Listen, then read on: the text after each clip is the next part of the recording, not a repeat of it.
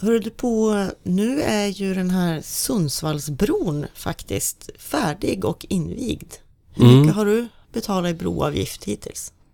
Jag vet inte faktiskt. Det dimper ner såna här små räkningar på 9 kronor eller vad det nu är. Det har väl blivit ett antal. Det har väl blivit ett antal helt enkelt. Är den, är den bra då? Är det värt det?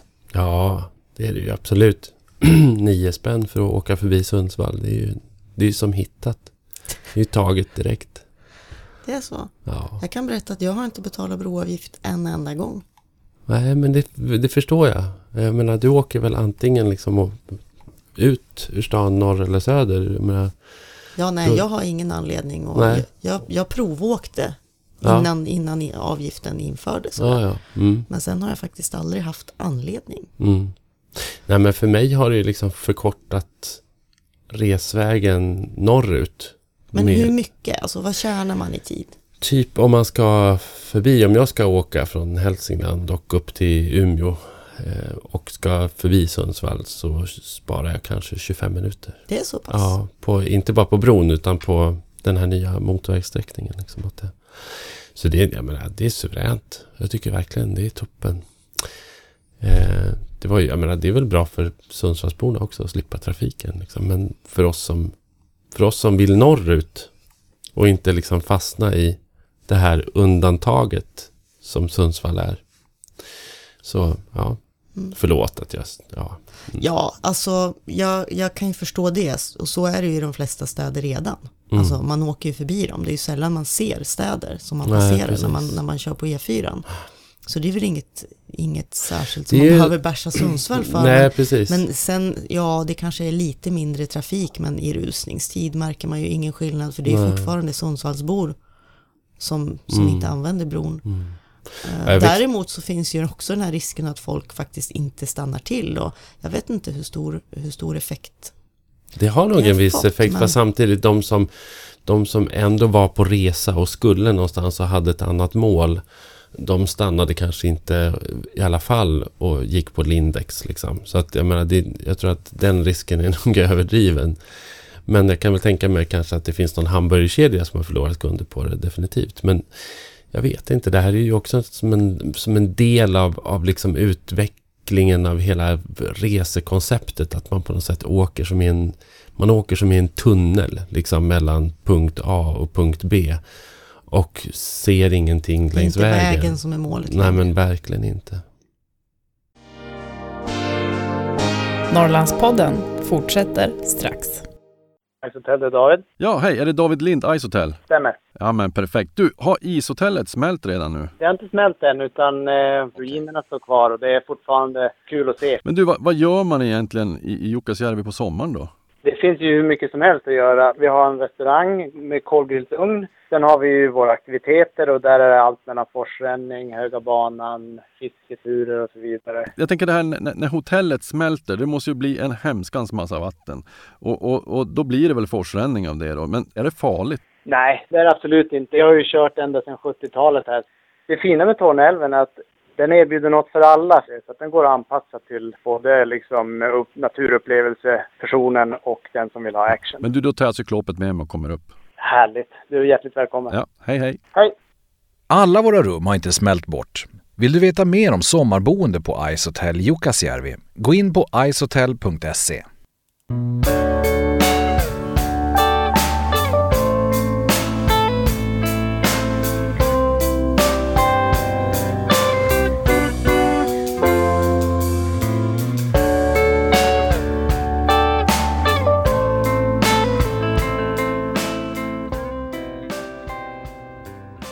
Norrlandspodden är tillbaka. Mm, det är ju stort. Är det inte stort? Ja, det är på tiden. Ja men tycker jag. verkligen. Och det verkar som om våra lyssnare också ja, tycker det. ja, och det har liksom inte avtagit heller. Jag menar först var det som att, ja men när kommer det nya avsnitt? Och man ser på, på liksom Twitter och Facebook och att, att, det, att det verkligen har funnits. Och så tänker man att det kommer lägga sig. Folk kommer ju glömma bort att den har funnits. Fast det blir nästan snarare mer. Mer och mer, Mer och för, mer. för varje dag. Menar, häromdagen åkte jag tåg och det kom fram två personer på tåget. Men när kommer det nya avsnitt av Norrlandspodden? Och då har det inte kommit några avsnitt på ett halvår. Så det tycker jag är man blir verkligen glad över Ja. det.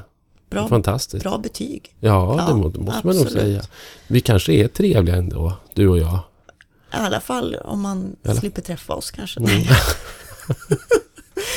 Ehm, ja, nej men eh, det är ju kul. Och nu är vi tillbaka. Mm. Eh, Det här är första avsnittet av fyra för Mm. den här då vår försommarsäsongen Ja, som, vi, som vi gör nu. Kommer dunka ut de här nu innan semestrarna.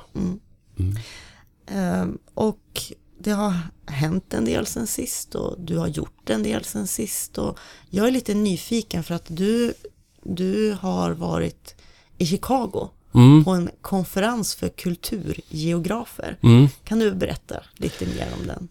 Ja, eh, ja, men det var en sån där grej. Jag har ett stipendium för fortbildning och som jag får använda lite som jag vill. Och så har jag kompisar som är just kulturgeografer. Och det är, alltså kulturgeografer generellt är verkligen mina favoritakademiker. De och idéhistorikerna kan man säga. Det är de där som, det är de här som liksom skapar en överbyggnad eh, på, på tillvaron och på saker. Och, och, det, och, det, och det, tycker jag är, det tycker jag är roligt. Det är en, liksom en rolig akademisk disciplin. Eh, Men vad har det med Norrland att göra? Jo, men det har allt med Norrland att göra skulle jag säga. Därför att den här konferensen som jag åkte på, den, den, det är, den är ordnas av um, AAG, Association of American Geographers heter de. Eh, och det är en årlig jätte, jättestor konferens. Det är, jag tror att det är 50 sessions om dagen. Varje session innehåller fyra föreläsningar. Och det är sessions från åtta på morgonen till åtta på kvällen. I princip. Så att över tusen föreläsningar om dagen. Helt hysteriskt i fem dagar på gigantiskt konferenscenter. Och Och när du hade så många att välja på så valde du att gå på marxisternas. Alltså, jag, jag måste säga det att jag älskar amerikanska marxister för att det är ju så himla roligt. Alltså, att vara marxist i Europa är av förklarliga skäl i- i vissa fall belastat. Eh, därför att det finns, man kan ändå eh, säga att det finns ändå slags, en slags koppling till vissa samhällssystem som lutade sig mot marxismen och, eh, och som kanske inte lyckades så himla bra. Men i USA så är ju det en helt och hållet eh, liksom teoretisk grej. Så att amerikanska marxister är ganska roliga på det sättet. Och det finns marxistiska geografer. Eh, Ja. Och som applicerar ju liksom marxistisk eh, materialistisk te- teori på, på det, jag menar, det som kulturgeografer tittar på det är ju arbete, mobilitet, migration, eh, känsla för plats. Varför bor människor där de bor? Eh, hur anknyter de till och, och liksom människors flyttmönster, stadsbyggnad, jättemycket, oerhört mycket forskning på gentrifiering till exempel. Och allt sånt där är superintressant. Eh, jag menar, Sverige är ett ganska litet land och även om det finns, även om det finns duktiga kulturgeografer i Sverige också såklart så är, så är det ju liksom på en sån där konferens man kan få höra toppforskare prata om både urban och rural gentrifiering som är jätteintressant därför att det handlar egentligen om Ja, det handlar ju om ödesfrågan för Norrland någonstans. Vad, vad, vad är det som gör att människor känner sig hemma i Norrland? Vad är det som gör att människor flyttar? Vad är det som gör, vad är det som, vad är, vad är det som eldar på urbaniseringen? Eh, vad är det som, vilka kvaliteter ska svensk landsbygd ha för att kunna gentrifieras och överleva i framtiden och inte bara bli någon slags produktionsland? Men Liksom. f- fick du några så här konkreta idéer eller aha-upplevelser eller så här, åh, Ja, ganska, ganska kan, många. kan du ge något, något exempel? Sådär? Ja, alltså till exempel var jag på en föreläsning med en forskare som hade gjort en ganska stor kvantitativ studie på eh, platsanknytning hos bofasta i eh, Kansas och eh, Nebraska. Alltså eh, de verkligt rurala, glest bebyggda delarna av Great Plains i mitten av USA. Och då hade han tittat på de som bor där, varför de bor där, varför de bor kvar och i vilken mån de trivs och varför de i så fall trivs. Och det som han hade kommit fram till var att bland de som sa att de trivdes och kände en känsla för platsen, kände sig rotade i platsen, så hade deras familjer bott där i genomsnitt 97 år.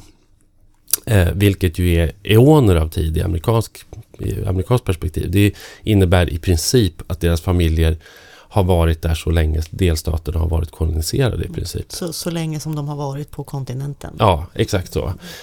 Och jag tror att, jag tror att den forskningen är direkt överförbar till delar av Norrlands inland. Att det nästan är så att på vissa platser så är det en, förutsättning att man har varit där från början. Att Man man, har kom, att man har kommer från en släkt där ens morfars farfars morfars farfar kom dit och slog ner bopålarna och sa att här ska jag och mina barn och mina ättlingar för alltid bo och här ska vi liksom vinna.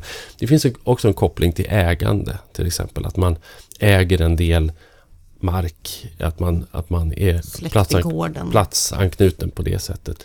Och, och det där tycker jag, att, att se det på det sättet som han presenterade det och se det så tydligt, att det är det som krävs. Och sen hade han ju också då gjort attitydundersökningar bland sådana som var inflyttade och som hade kommit dit senare. Och det var inte möjligt för dem att känna samma typ av platsanknytning. Om man då ställer det till de här frågorna om eh, rural gentrifiering till exempel, så där, där det kommer in människor utifrån och letar efter helt andra kvaliteter i en plats eller ett landskap. Då får man en väldigt intressant konflikt. Eh, för det är helt olika eh, då finns det helt olika idéer om varför man bor Ja, någonstans. för det, för det tänkte jag på. Det, det här med platsanknytning. Mm. Det känns som om det inte är så himla viktigt för, för dagens människor.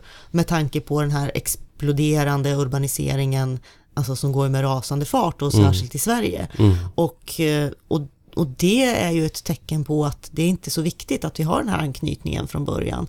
Eller kan det vara så att man kan känna, nu, nu bara tänker jag väldigt högt här, att är man svensk och har sett skildringar av svenska storstäder, att man på något sätt via det man har matats med ändå känner någon slags anknytning.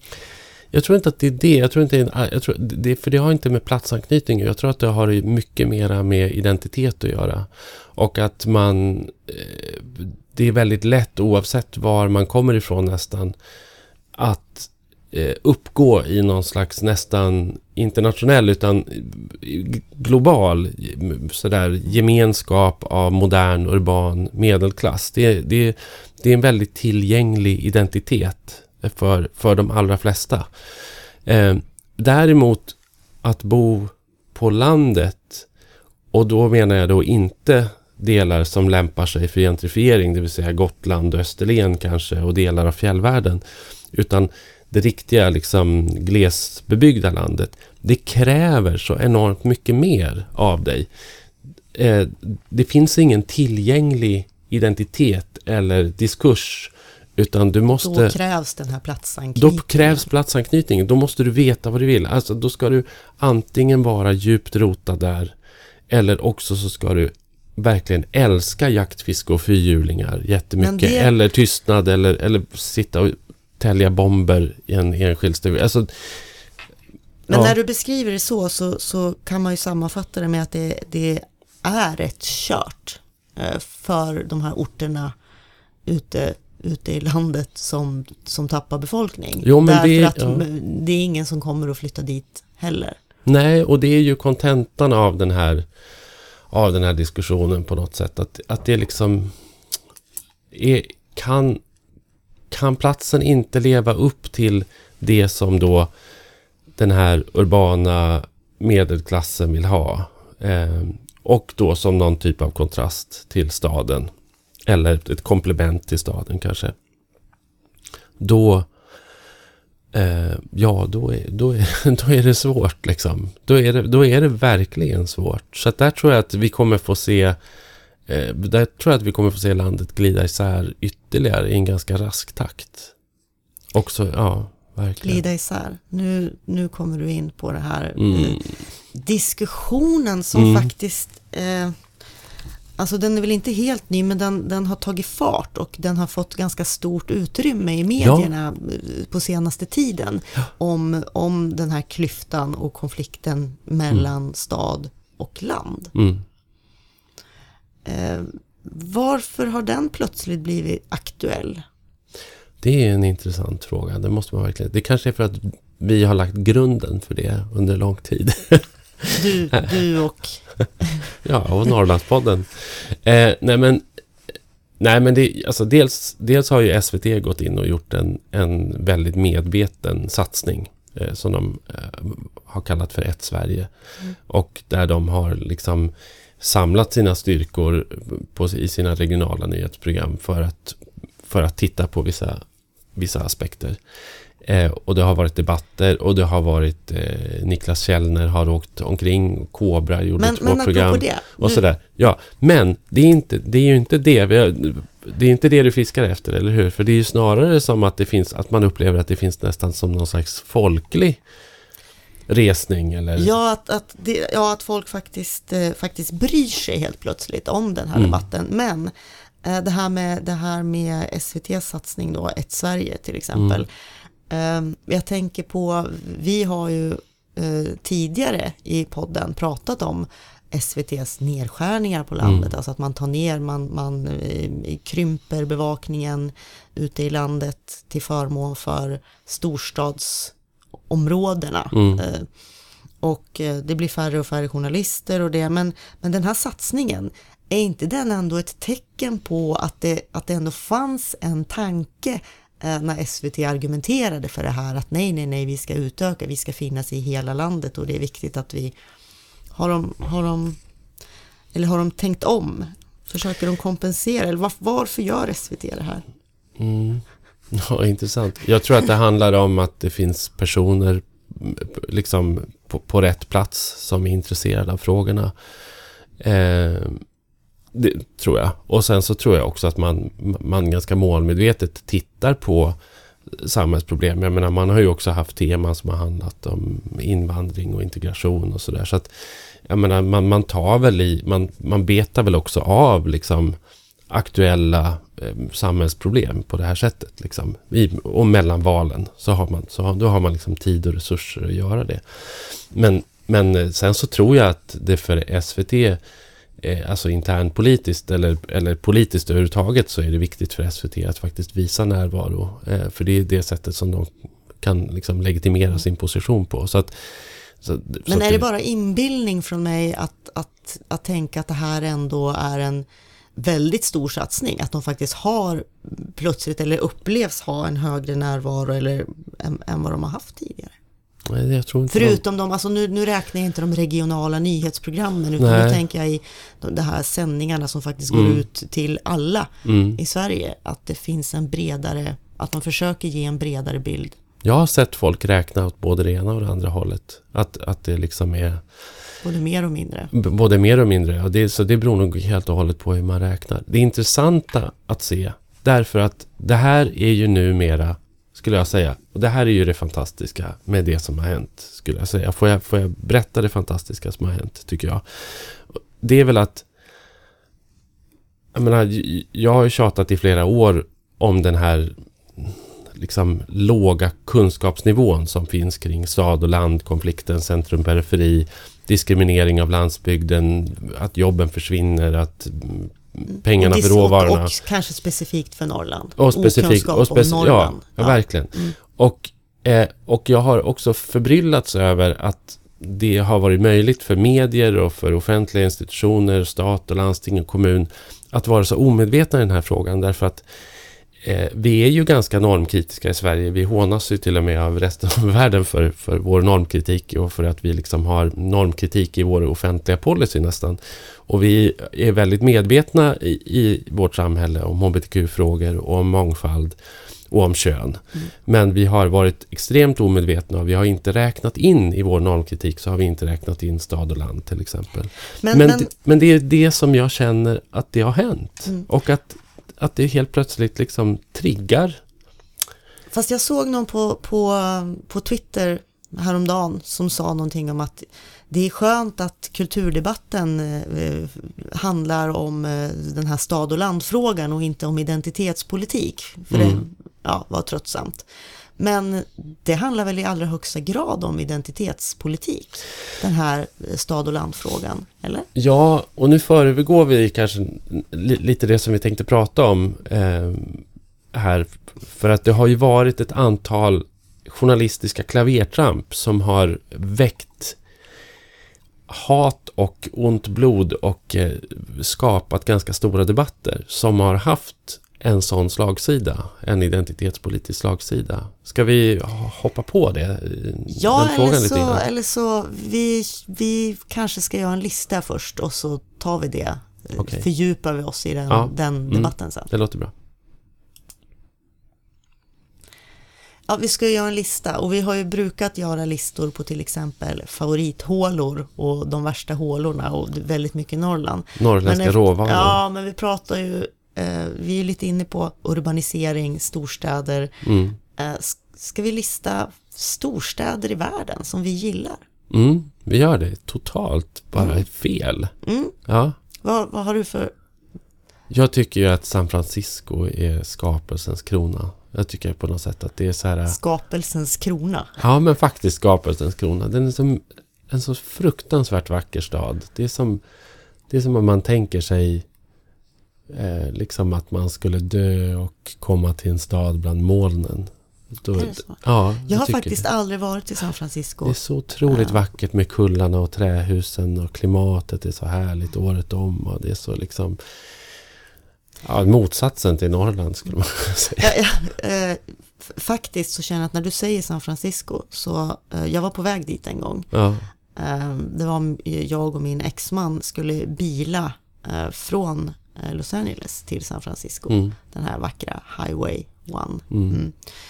Eh, och, eh, och jag fick någon så här total sammanbrott, höll jag höll på att bryta ihop därför att han tyckte att vi skulle ta in på ett motell över natten för att eh, vila oss på vägen dit. Vi hade kört ganska långt.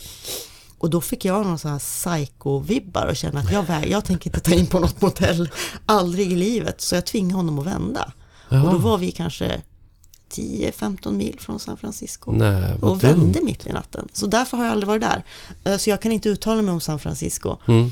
Men vilken är din då? Etta? Eh, Eller, ja. ja. min etta. Jag vet inte om jag har någon så här jättetydlig etta, men en storstad som jag omedelbart gillar och eh, gärna åker tillbaks till, det är faktiskt Dada, Bangkok. Ja, ja, ja, det kan jag väl föreställa mig. Ja, Ja. Och det är ju inte då för att det är skapelsens krona på något sätt, utan Nej. det är verkligen ett, ett, eh, ett eh, lapptäcke kan man säga. ja. Eh, Men jag gillar, alltså jag gillar att det är varmt och sådär, men jag gillar, det finns en det finns en värme, det finns ingenting hårt. Alltså om man tänker amerikanska storstäder eller europeiska storstäder för den delen så, så kan jag ofta känna men det är lite hårt, man är lite smårädd. Eh, Det kan, ja, Mm. det finns någon sån här, åh nu blir jag snart rånad eller någonting. Mm. Sådana känslor har jag aldrig någonsin känt i Bangkok överhuvudtaget. Det finns som ingenting att vara rädd för så. Människor är vänliga och trevliga och sen är det ju, eh, jag menar det är ett folkliv och det finns shopping och det finns sevärdheter och det är fantastiskt god mat och sådana saker. Men det är, det är som en stämning och en känsla som, Mm. som jag får där som jag gillar. Ja, Har du, alltså- någon, har du någon europeisk stad som du vill lyfta fram? ja, jag är så banal så att jag tycker väldigt mycket om Paris. Åh, ty- ja. Det tycker jag är så överskattat Ja. stad. Jag har Ja, varit jag vet. väldigt mycket i Paris, men jag, Ja. Ja, jag vet att många tycker att det är extremt överskattat. Men jag tycker om Paris för att Paris är Paris. Liksom. Det är bara... Jag vet inte. Jag tycker det är så... Parisiskt. Paris. Ja, men det är så klyschigt. Det är liksom bara så här, Paris bara finns där och lever upp till allt det där som är... Och Paris är också på något sätt marginaliserat. Alltså, om man nu pratar om, om man nu pratar om storstäder i den här liksom Kjell A. Nordström, Per Schlingmann-kontexten som, som eh, någon slags då innovativa noder där all tillväxt ska ske och där möten mellan människor skapar nya ekonomiska möjligheter och produktionssätt. Så är ju Paris inte alls en sån stad. Paris är ju ganska liksom marginaliserat och det sker väldigt lite innovation i Paris. Liksom. Så, att, så att Paris är ju Paris är ju som en slags stor Lite små... konserverat. Ja, men det är konserverat och lite provins provinsiellt på något sätt och, och, och konservativt och, eh, Och eh, så, som en stor småstad liksom, på, på, det, på det sättet. Det är ju inte alls en världsstad. eh, Liksom. Eh, Och det- utvecklas in- inte särskilt heller. Liksom. Och det tycker jag, det, det tycker jag, är, jag tycker det är lite mysigt, helt enkelt. Eh, och så Köpenhamn tycker jag om också. Det gör du ju. Mm. Jag ska vara jättetöntig nu och ändå säga Stockholm. Mm. Att det finns ju Nej, men faktiskt... gud, jo, Sofia. och det, menar, nu, nu kan man ju alltid föra ett resonemang kring, kring om, om Stockholm är en riktig storstad eller inte. Mm. Och det, det kan vi väl kanske säga att det är det ju inte riktigt. Men det är ändå, det är ändå en, en huvudstad i Europa. Och jag tycker att Stockholm är så fruktansvärt vackert. Mm. Jag kan bli gråtfärdig så här en sommarkväll när man är ute och går. Ja. Jag värjer mig nu. Jag värjer mig Ja, nu. Jag tycker att det här är liksom så här att... Jag tycker att vi sviker våra lyssnare nu. Vi sitter, jag tror att våra lyssnare liksom vrider sig i plågor just nu. Det är liksom så För att jag säger att Stockholm är vackert. Ja, men jag tycker också att jag tycker jättemycket om Stockholm och, och att Stockholm är jätte, jätte vackert och trevligt. Tycker våra Men- lyssnare att det är mer okej att gilla Köpenhamn? Ja, det tror jag, för det ligger inte i Sverige. Vi, alltså, vi har inte den här... Jag menar, man får också tänka att Norrlandspodden... Men jag skulle ju inte säga att Stockholm är min favoritplats i Sverige. Nej. Absolut inte. Nej. Det finns många andra s- Ja. platser i Sverige där jag mycket, mycket hellre befinner mig. Men om, om vi nu ska prata storstäder så tycker jag att Stockholm står sig ganska bra i, Ja. i konkurrensen. Åtminstone när det, när det gäller det estetiska. Mm. Ska, vi, eh, ska vi lämna det här underliga spåret nu? Ja. Eh, Våra lyssnare orkar nog inte mer, tror jag. Norrlandspodden fortsätter strax. Ja, det var Helena Runeberg. Ja, är det Helena Runeberg i Abisko? Ja, Du är platschef för STF där också va? stämmer bra det. Jag har ju funderat lite grann. Det är ju en bit att åka till Abisko. Men vad, vad är det som gör att det är värt resan då? Vi har ju den långa vintersäsongen med vårt norrsken. Sen kommer vi in på vårvintern som ju håller på till i början på maj. Ja. Och sen har vi sommaren från strax före midsommar med den fantastiska vandringen. Ah. Men då undrar jag, kan man se någon norrsken då? Det kan man, den finns ju men man ser den ju inte. Men du får titta på midnattssolen istället. Ah, det är ett annat sken då. Ja, just ja. Men du, ska vi säga att jag kommer då veckan före midsommar då? Du är så välkommen. Ja, men det låter ju lysande. Ja, men då, tack, tack. Tusen tack, hej hej. Hej, hej. Det finns många fantastiska platser att besöka på Sveriges nordligaste destination. Vill du veta mer? Gilla Swedish Lapland på Facebook.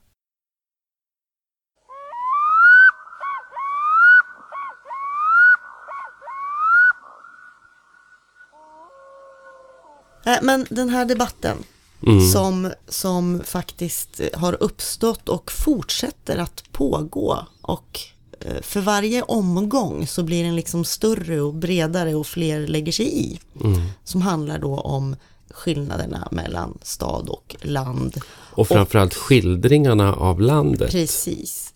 Eh, hur skildras landsbygden Mm. och kanske specifikt då eh, Norrland Ja, i, med, i medierna. Ja, verkligen. Eh, Och det, och det är väl ingen egentlig skillnad på hur, hur Norrland skildras. Det har Nej. sett ungefär likadant ut eh, och det har vi ju pratat jättemycket om, den här koloniala, koloniala tonen och stereotyper och, Mm. och sådär. Men det som har hänt är att eh, de här eh, skildringarna eh, går liksom inte obemärkta förbi. Nej, Utan väcker... folk börjar, folk blir upprörda, folk skriver långa motinlägg och protesterar Ja. mot den här beskrivningen Ja. av Norrland. Ja, och det är jätteintressant. Om vi, om vi ska ta, den här våren har ju varit då eh, först Björn Barr, Expressen eh, Kulturs reporter som damp ner i Östersund och eh, träffade en, en taxichaufför som sa att det är roligt när det, är kul händer när något. det händer Det är kul något. när det händer Ja, något. Och sen lyckas han träffa på flera personer. Eh, nästan som om han, som om han har, har eh, manipulerat folk att säga att det är kul när det händer Mm. något.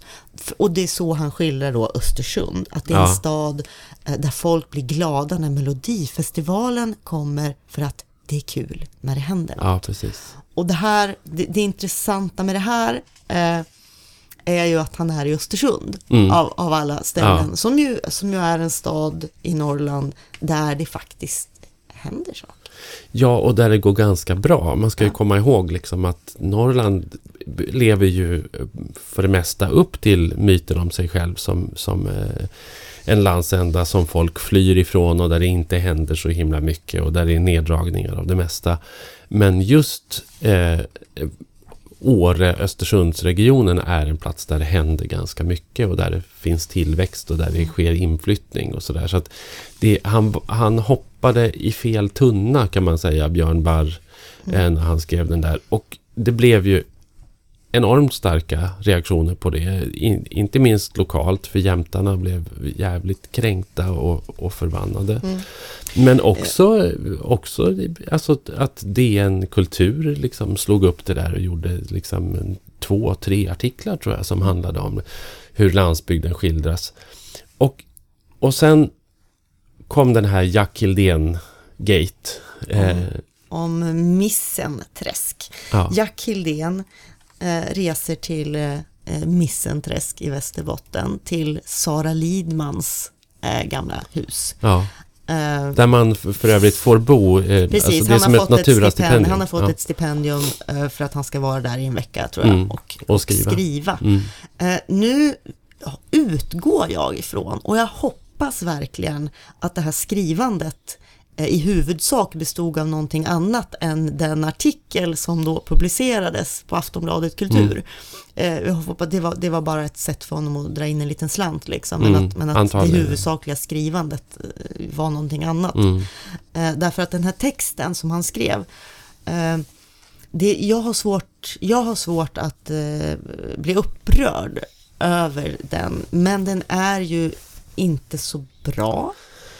Eh, han beskriver också, alltså det han gör är att han beskriver hur han kommer till ett ställe dit det för det första nästan inte går att ta sig.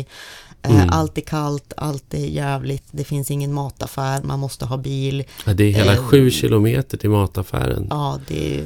Bara en sån sak. Mm.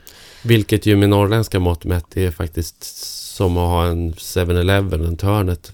Mm. Sen, sen reagerade jag jättemycket på slutet. Jag undrade om det var något fel i redigeringen nästan.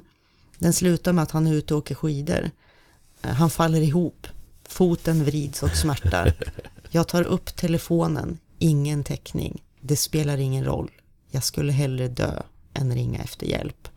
Och här, eh, här eh, s- så bevisar han ju, det är ganska sätt- bra, Ja men det är ju det, för att Ja. det, det som är intressant är, många har ju liksom upprörts då över den här stereotypa beskrivningen Ja. av hur jävligt det är i Norrland. Men vad han gör faktiskt till och med eh, genom hela texten, men särskilt i den här sista meningen, är ju ändå att han, att han gör en grej av sin egen hjälplöshet. Mm. Alltså att han, att det är han som är missanpassad och att det är någonstans hos honom det felar, att han inte verkligen. klarar av att, att leva och finnas i den här miljön. Och det är inte, det är Den inte är så att säga Missenträsk som är problemet, Nej, det är- utan det är han själv. Ja, den är väldigt självironisk skulle jag säga den där te- texten. Och jag tycker, Mm. Men den har ändå upprört väldigt mycket. Ja, jag tycker verkligen, jag håller med Åsa Linderborg där som sa att den, folk har läst den på ett väldigt ogeneröst sätt måste jag säga.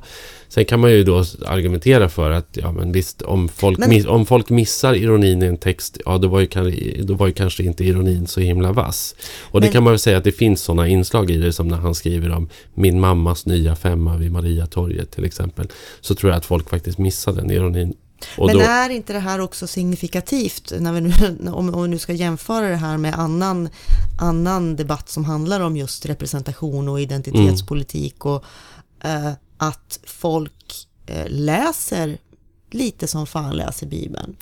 jo men alltså man det bortser från ironin därför att jag läser den här skildringen av en plats eh, som jag kommer ifrån och jag känner inte igen mig. Nej. Och man, man tycker att man själv har tolkningsföreträde. Mm. Och det är det som är problemet. Det är inte egentligen att det är väl bra att en stockholmare åker till Missenträsk och får känna hur det är att vara där. Men han, han ska fan inte ta sig det här tolkningsföreträdet Ja, att men- skriva om det i en stor tidning. Ja men absolut, men det är många samverkande saker där tycker jag också. Därför att det, det är dels precis det som du säger. Men, men det är ju också bristen på, bristen på mångfald eh, när det gäller Norrlandsskildringar som är, som är problematiskt. Det vill säga att, att man kanske ändå ska sätta det här i ett... Man, man måste sätta det här i kontext så att säga. Och, vad, och hur ser det då ut? Jo, vad, vad, vi, vad kommer ut ur Norrland? Vilka Norrlandsskildringar kommer ut? Jo, då är det så här att alla svenska tidningar har dragit in sin närvaro i Norrland med hänvisning till att de skulle köpa material från TT. TT har sedan lagt ner alla sina Norrlandskontor med hänvisning till att de kan sköta bevakningen av Norrland från Stockholm. Och det kan de kanske därför att de skriver bara blåljusnyheter. Vänta, och, så, och sen så har du TV4-nedläggningen och sen så har du den här omdiskuterade eh, liksom då omorganisationen på SVT som vi berörde tidigare som kanske leder till ökad närvaro eller minskad närvaro, det är ganska oklart. Och sen så har du det faktum att alla norrländska lokaltidningar i princip snart har lagt ner alla sina lokalkontor eh, i mindre samhällen och städer i Norrland utan bara finns representerade i kuststäderna i princip och i större inlandsorter. Eh, och eh, och allt det där sammantaget gör ju att liksom täckningen och bevakningen och skildringen av hela den här landsändan är nu nere på liksom nedskruvad på en minimal nivå. Och väldigt få journalister tar sig omaket att åka norrut för att göra någonting annat än det som är stereotypt och typiskt. Mm. Och man får nästan aldrig läsa någonting om Norrland som inte innehåller eh, Men det är ju också en ren... enkelt. Jag menar, han skriver till exempel om att En, en norrlänning figurerar i tidningen i egenskap av norrlänning och inte på grund av vad norrlänningen faktiskt gör. Ja, eller i egenskap av svensk. Man skildrar, man åker aldrig till Norrland för att, för att spela. Till exempel, så jag menar, eh, säg att eh, man pre presenterar budgeten och så ska man titta på hur budgeten slår mot olika. Då går man, till, då, då går man ut på, på, på och ställer sig vid Karlaplan och frågar folk om, om hur budgeten påverkar dem. Man frågar inte människor i Lycksele eller Sveg Nej. eller ens Luleå hur budgeten påverkar dem. Därför att norrlänningar är alltid norrlänningar. De kan inte vara representativa för Sverige utan de kan bara vara representativa för, för, för, för, Sverige, för, eller för Norrland och för, för det typiskt norrländska. Och det är det som är det problematiska och det är därför människor läser de här texterna på det här sättet också. Därför att nu kommer den här texten och nu ska vi titta på den och nu ska vi titta på hur den liksom presenterar den här landsändan. Och så presenterar den här landsändan precis som den, allt, precis som den alltid presenteras. Men det ju- positiva är ju då Ja. att nu reagerar folk, de säger ifrån och så får vi också de här mottexterna och andra skildringar. som har varit fantastiska. Och eh, jag skulle vilja läsa upp ett litet stycke här ur Elin Grälsson Almestad, Mm. som är eh, kulturjournalist, eh, bor i Stockholm nu, men kommer då ifrån Jämtland. Mm. Eh, och hon eh, är även författare. Och ett stycke ur hennes text då, den lyder. Eh, Min förläggare säger om min kommande roman att det slagit honom under läsningen att det är så ovanligt med romaner som utspelar sig på landsbygden. Jag blir genast orolig över att texten kommer att läsas som en glesbygdsskildring, en roman om Norrland eller som ett facit över hur det är att leva i den mellannorrländska glesbygden. Mm. Eh, jag vill fortsätta. Jag har placerat en berättelse där för att berättelsen ville vara där och för att det är platser som är mig mer bekanta än Mariatorget eller Nacka. Mm. Har du någon kommentar? Ja men alltså det är ju jätte, det, hon är ju jätteklok och, och som reflekterar över det där. Mm. Och just det här risken att det man gör ses som representativt för en schablon snarare än för en verklighet. Och det är väl ett, jag menar, det är väl ett tecken så gott som något på att det här landet inte hänger ihop kontextuellt eller om, kulturellt. Om vi ska ta det här som romanskrivandet då, Mm. så man kan skriva en roman och så kan den få olika epitet. Ja men det här är en generationsroman till Mm. exempel. Eh, Och Norrlandsromaner har det kommit ganska men många om sig. den Ja. här generationsromanen råkar utspela sig i Norrlands inland, Då blir det Norrland- plötsligt en Norrlandsskildring. Då- absolut. Ja, så det, eh, det, är- det är bra att det lyfts. Ja. Eh, Nej, men men, så- ja, Ja, nej men, och, och det är väl det som, som, jag, som jag försökte svamla om tidigare, liksom, att det är ju ändå det nya, därför att den här typen av skildringar som Hildén och som Björn Barr har kommit med, det har vi sett ganska många av. Det kan man räkna upp, det kommer några om året. Liksom. Men den här proteststormen från alla håll, från bloggare och twittrare och på Facebook och den här diskussionen och artiklar i diverse tidningar. Eh, det är ju för 17 helt nytt och just att, just att stad och landkonflikten har räknats in i den eh, liksom allmänna normkritiken och att det finns också eh, ett sätt att uttrycka motståndet på. Mm. Att det finns en diskurs. Och det är ju jätteviktigt för vi har varit ganska maktlösa skulle jag säga mot de här strukturerna tidigare därför att vi har inte haft vi har inte haft ett sätt att förklara det på som har varit begripligt. Men nu finns det det och det är på något sätt vedertaget. Att så här gör man inte och man gör inte så här därför att. Och nu tror jag att du kanske har den här texten om makt. Nej, Nej. faktiskt eh, så har jag en annan som först då är ett försvar Mm. för Jack Helén som Gustav Bors, Borsgård Mm. har skrivit i Aftonbladet. Eh, där han då menar att den här kritiken är någon slags revirtänkande. Ja. Eh, ja, och det, och det finns ju andra som har försvarat och när en, en norrlänning så att säga protesterar mot beskrivningen av Norrland Mm. så får den ofta höra saker som andra kanske marginaliserade grupper tidigare har fått höra men inte längre. Som att man är lättkränkt, Mm. ja du Oh ja. tänker bara revir, du har inget tolkningsföreträde eller eh, de kräver, ja. Jack Hildén, har inte han rätt att åka till Norrland och ge sin bild av Nissenträsk? Jo, men det är lite grann en separat diskussion tycker jag någonstans. Därför att jag menar, jag kan på många sätt, nu ska jag säga att jag är dessutom bekant med Jack Hildén. Eh, Jag har träffat honom ett antal gånger. Han är en otroligt, otroligt rar och fin person som jag uppskattar. Ja, det tvivlar vi inte Och, på. och han, och, och han är, är dessutom väldigt ung och jag kan på många sätt också identifiera mig med honom eh, därför att jag har själv skrivit den där typen av lite storögda eh, skildringar där jag har satt mig själv i centrum eh, och använt på något sätt en schablonartad eh, liksom norrländsk Men en kolonial verklighet. blick också. För Nej. jag, för jag tänkte på det att jag som har ändå varit en del i Norrland och varit uppvuxen i inland och glesbygd och det har varit kargt och jävligt sådär. Jag har till ganska nyligen inte förstått eh, förstått vad det är för vits att berätta de här berättelserna. Nej, Förstår du? Utan, ja men det här är ju vardag, det här är helt vanligt, vad är det som är intressant Ja. med det här? ja, just Jag, det. jag har inte sett poängen med att åka till en eh, håla i Norrlands inland. Därför Oj, att ja. jag har inte förstått att det här kan vara intressant för någon att Nej höra talas om. Ja, men det är klart att det, jag menar, herregud, men, oj, oj, jag vet inte vad jag ska, jag vet inte vad jag ska börja när du säger så nästan. Men jag känner alltså, dels vill jag bara avsluta tanken och säga att, att det är en jätteviktig journalistisk princip, eller princip i medierna tycker jag, att alla har rätt till sin berättelse, alla har Mm. rätt att åka vart Mm. som helst.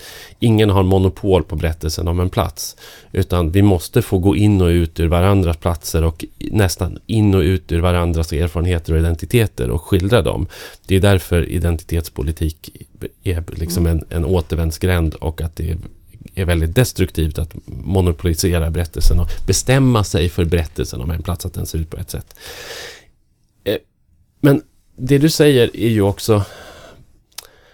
Då, då, då tänker jag att du är lite politiskt naiv när du säger så. Att, därför att då har du kanske inte fram till nyligen då heller förstått vilket behov den moderna nationen har av berättelser om ett primitivt lantligt Sverige som en slags motpol till berättelsen om det moderna urbana Sverige.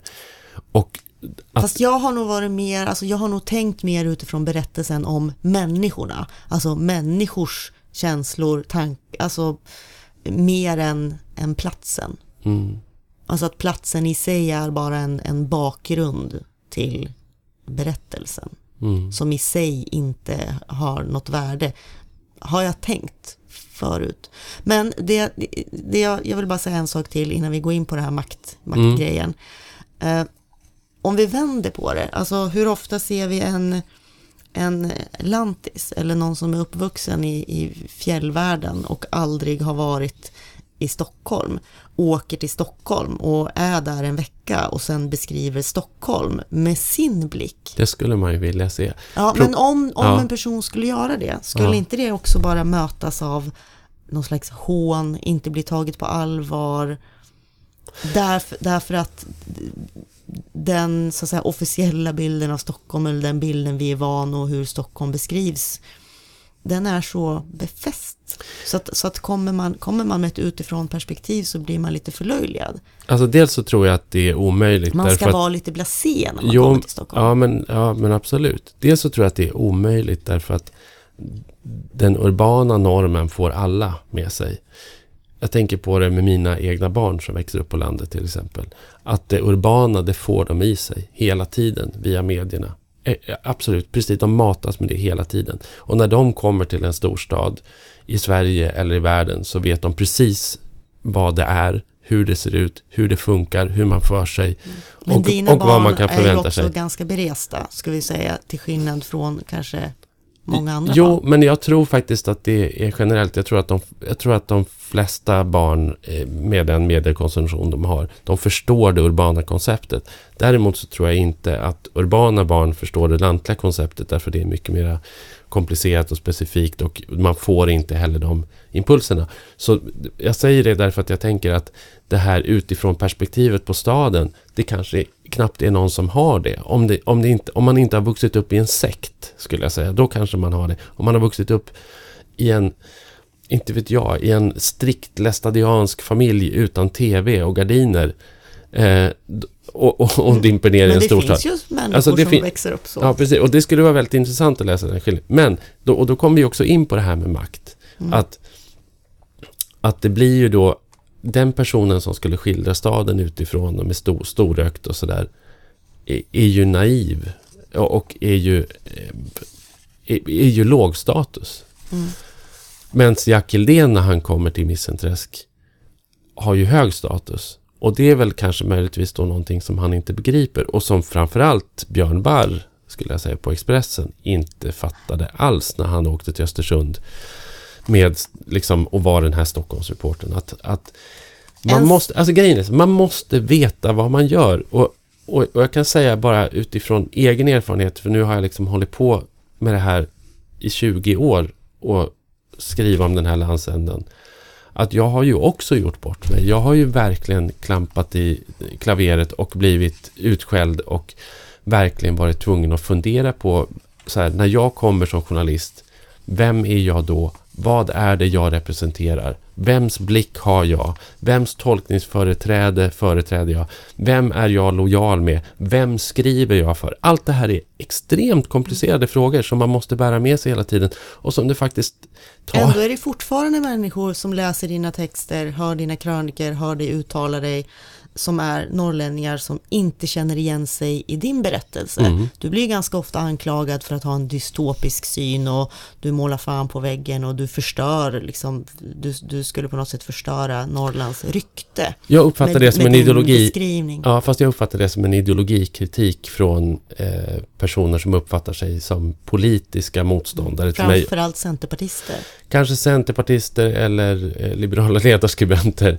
Eh, och människor som arbetar med att, att eh, liksom skapa en trevlig stämning kring näringslivsfrågor i Norrland. Och, och jobbar med platsmarknadsföring. Det är, Men- det är men- framförallt de som tycker att det är jobbigt. Norrlänningar i gemen, och där är jag snarare förvånad, är väldigt sällan arga på mig.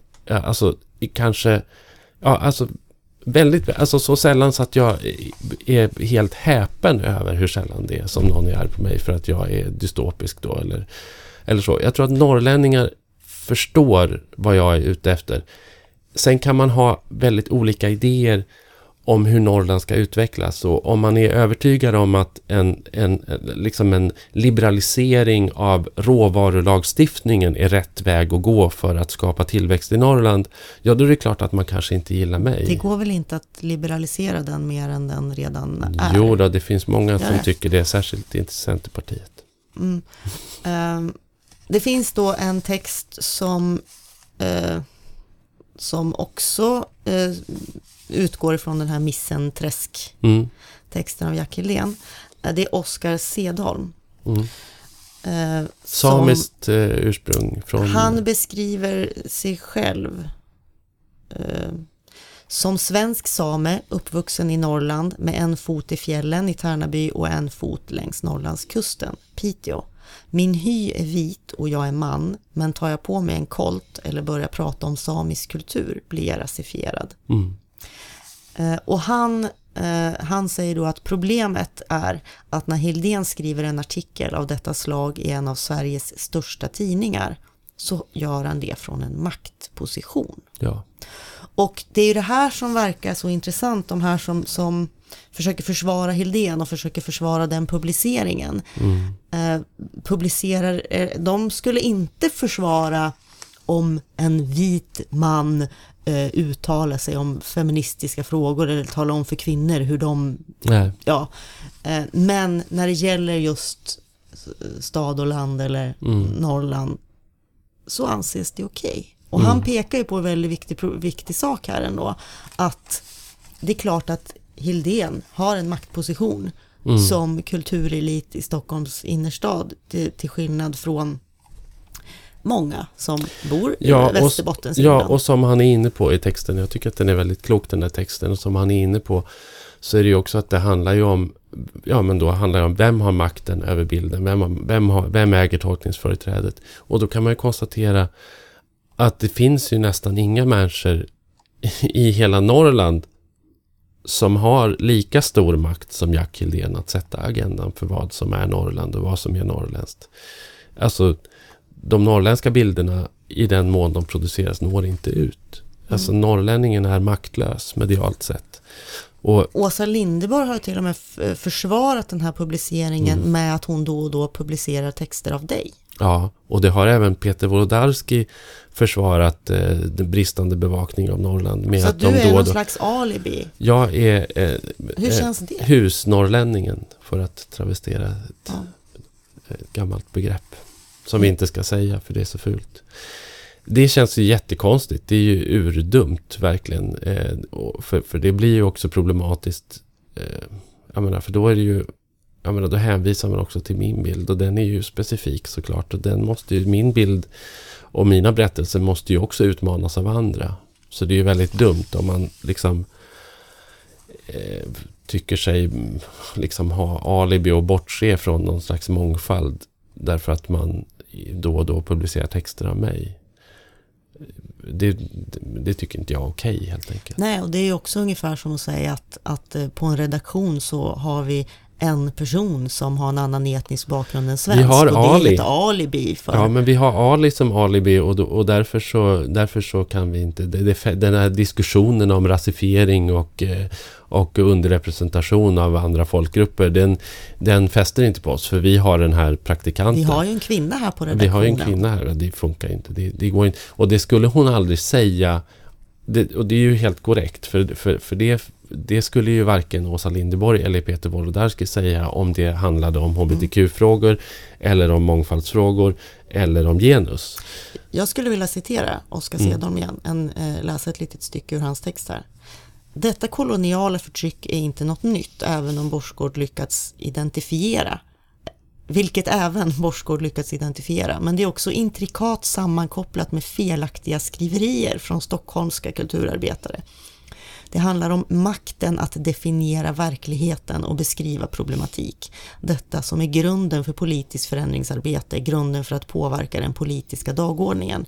Att då rycka på axlarna och hävda någon typ av samvetsfrihet för okunniga kulturarbetare, att alla är berättigade sin åsikt, är att visa fullkomlig oförståelse för hur samhällets olika delar hänger ihop med varandra. Mm.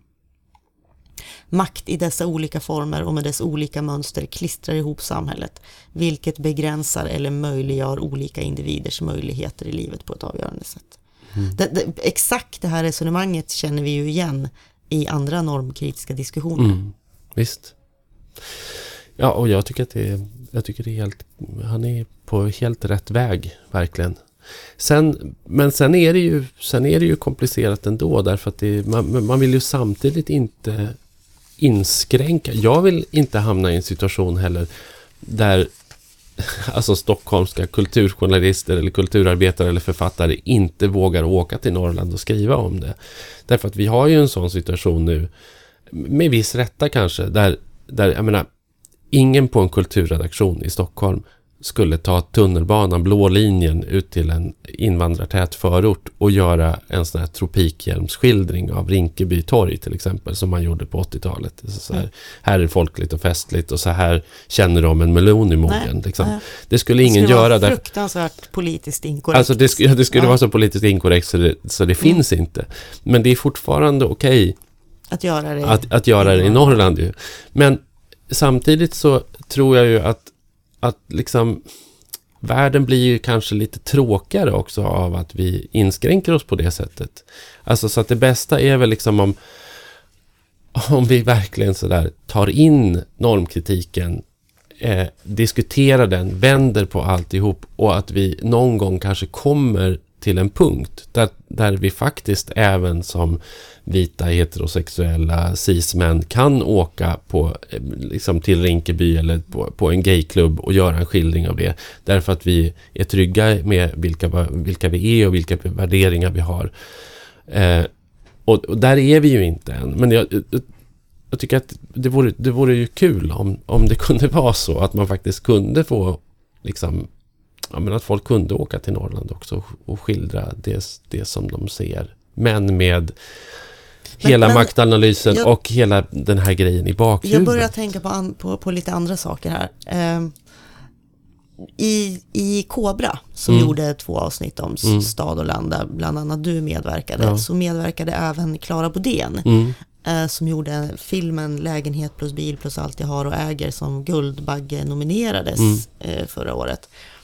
Och hon sa någonting väldigt intressant, eh, tycker jag, som jag kan, kan känna igen mig i. Hon sa att det finns inga, alltså hon hade letat och hittade inga kvinnliga norrländska förebilder. Nej. Alltså det fanns inga smarta kvinnor som gjorde bra och roliga saker som Alltså som hon inte var tvungen att verkligen aktivt själv söka Mm. upp. Men de syntes inte, de hördes inte, det, de var liksom inte tillgängliga. Mm. Det fanns inga kvinnliga norrländska förebilder.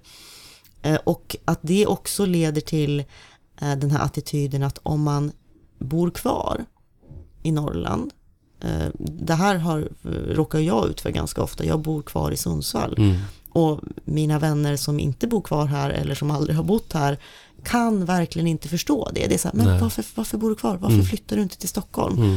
Och att man får en loserstämpel. Att, Absolut. att man bor kvar eller flyttar tillbaka Mm. skulle betyda att man har misslyckats Mm. med sitt liv. Mm. Så är det. Det ses ju Mm. inte som ett uttryck för fri vilja utan det ses som ett... Men, men är då att flytta till Stockholm eh, och, och eh, följa med i den här urbaniseringsvågen, är det fri vilja? Att, Ja, det, det beskrivs ju så. det beskrivs ju verkligen så som att det är urbaniseringen är en naturkraft. Eh, och alla människor som flyttar till men om det är staden en är en fri... naturkraft, om det är en naturkraft, Det- då bestämmer man ju inte själv, då väljer man Nej, ju inte, då följer man ju bara Ja, med men i absolut. naturens... Ja, exakt. Ja, det är väldigt motsägelsefullt. Det är till och med så liksom att när man, när man, nu, nu har det ju konstaterats, det har ju gjorts ganska gedigna genomlysningar av det, men att menar, Norrland och landsbygden i, stort har ju förlorat enormt mycket statliga jobb till exempel. Samtidigt som det har tillskapats, vad det nu är, 14 eller 17 000, är dålig på siffror, nya statliga jobb under den senaste tioårsperioden. Och eh, samtliga har hamnat i storstaden. Eh, så jag menar, och till och med det beskrivs ju som någon typ av naturlag trots att det är, det, det är staten som det, bestämmer det vad är jobben ska faktiskt vara. en av de sakerna där politiken faktiskt kan Ja, påverka. och den här, de här undersökningarna visar dessutom att, de, att staten och statens verksamheter har gått före. Att staten leder den här utvecklingen och sen följer det privata näringslivet efter i den här centraliseringen och urbaniseringen. Ja, men och det är väl Så att- självklart så att om, sta- om vi har statliga myndigheter på, på orter så genererar ju det, alltså det påverkar ju såklart omgivningen. Det Och påverkar det genererar så ju inflyttning och det Ja, genererar vi- ja. vilka väljer att bo kvar och Och det, du slipper tappa din akademiker. Alltså det är ju Ja, och att det finns akademiker på en ort. lång kedja Ja, av det verk- positiva verkningar för en ort att ha extremt en viktigt. statlig Det är, så, det är så extremt viktigt så att det finns inte. Det är Så det är liksom- en faktiskt helt obegriplig politik. Helt- Oavsett ja. vem som styr så är Ja. det obegripligt att Och jag kan bara flika in, apropå Mm. det, eh, liksom, det är ju sällan som det är sällan som de här myndigheterna argumenterar på det, för det här på ett, på ett transparent sätt. Men Skatteverket har just gjort en, en översyn av sina kontorer och kommit fram till att de skulle stänga en rad kontor på, på, på svensk landsbygd. Bland annat i Lycksele och i Delsbo i Hälsingland tror jag det var. Och, och då eh, i den här utredningen så skriver de att Skatteverket ska finnas där det, där det, där det finns tillväxt. skriver de. Och det är ju eh, liksom en, det är ju en, en slags politik som går helt på tvärs med ambitionen att hela Sverige ska leva. Det går ju också på tvärs mot så att, säga, att, att myndigheter bekostas med skattepengar och Mm. att det är dyrare att placera dem i Stockholm till Man exempel. skulle spara- Det är dyrare hyror. Det Ja, man skulle spara över en miljard om året Ja. i Ja. lokalhyror genom att, ha, genom att ha kontoren på andra orter. Men det intressanta med det här, det är det som du liksom kom på in vilket på det här sätt med... gynnas skattemyndigheterna av att, av att placeringsorten är en ort där det finns tillväxt? Hur, hur Bara- påverkar det Skatteverkets verksamhet Jag tror att, jag överhuvudtaget, vet inte. undrar jag. Det kanske finns mellanchefer som hellre vill bo i städer och som inte vill ha, som inte vill ha sina arbetsplatser i, på landet för det är inte tillräckligt mycket status. Men jag menar, tillbaka till det här med fri vilja därför att det, därför det är ju ändå det, det är ändå det liksom så här, jag menar, hur pass mycket fri vilja är det där då? Den här urbaniseringen att alla ska bo i Stockholm och, och, och liksom göra ungefär samma karriär och leva ungefär samma liv. Eh, jag, jag, tror ju inte det. Jag, menar, jag tror ju att det jag tror, tror tror jag menar, urbaniseringen är ju ett hot mot den fria viljan. Jag menar, hur fri, hur fri är viljan om man, om, man inte, om man inte kan bo i Lycksele om man är utbildad civilekonom eller lärare eller Eller om man inte... Menar, då, Mm. Men- det är men- väl inte fri vilja då om man inte kan Men det? är det kanske det ändå? Jag tänker också på en, en, en, en annan tanke om de här statliga myndigheterna som eh, lämnar landet. Ehm, att de helt enkelt inte får tag i kompetent personal ute, ute i landsbygden. Jo, Därför att till- personal, alltså de Jo, men till viss del är det- potentiella ja, personerna visst. väljer att Ja, ja men lämna. absolut. Så är det ju till viss del så, såklart. Liksom. Men, om, om, men om arbetsplatserna finns och, och de faktiskt har sin personal eh, och som är kompetent då, menar, då faller ju det begreppet. Eller det, då faller ju den, den, den, den idén så att säga. Hör du, eh, vi ska ju vi ska göra fler avsnitt eh, också. Vi kanske ska spara på Ja, vi, vi, vi har pratat alldeles för länge faktiskt. Eh, Men det här var det första avsnittet för den här säsongen. Har, ja, Eh, nästa, nästa avsnitt, eh, då kommer vi faktiskt att åka till Lappland. ja. Mm. Vi har ju en idé om fortsättningen på den här podden. Att vi ska försöka spela in den på olika håll. Och, I Norrland. ja, Mm. eh, olika norrländska landskap och olika norrländska orter. Och med en gäst i varje program. Mm. Som får liksom Representera sin ort. och prata om platsen. Mm. Och eh, ja, Mm. jag tror att det kan bli intressant. Ja, så att eh, det har ni att se fram emot. Mm. Tack- Eh, Tack för idag. Norrlandspodden från Lappland. Mm.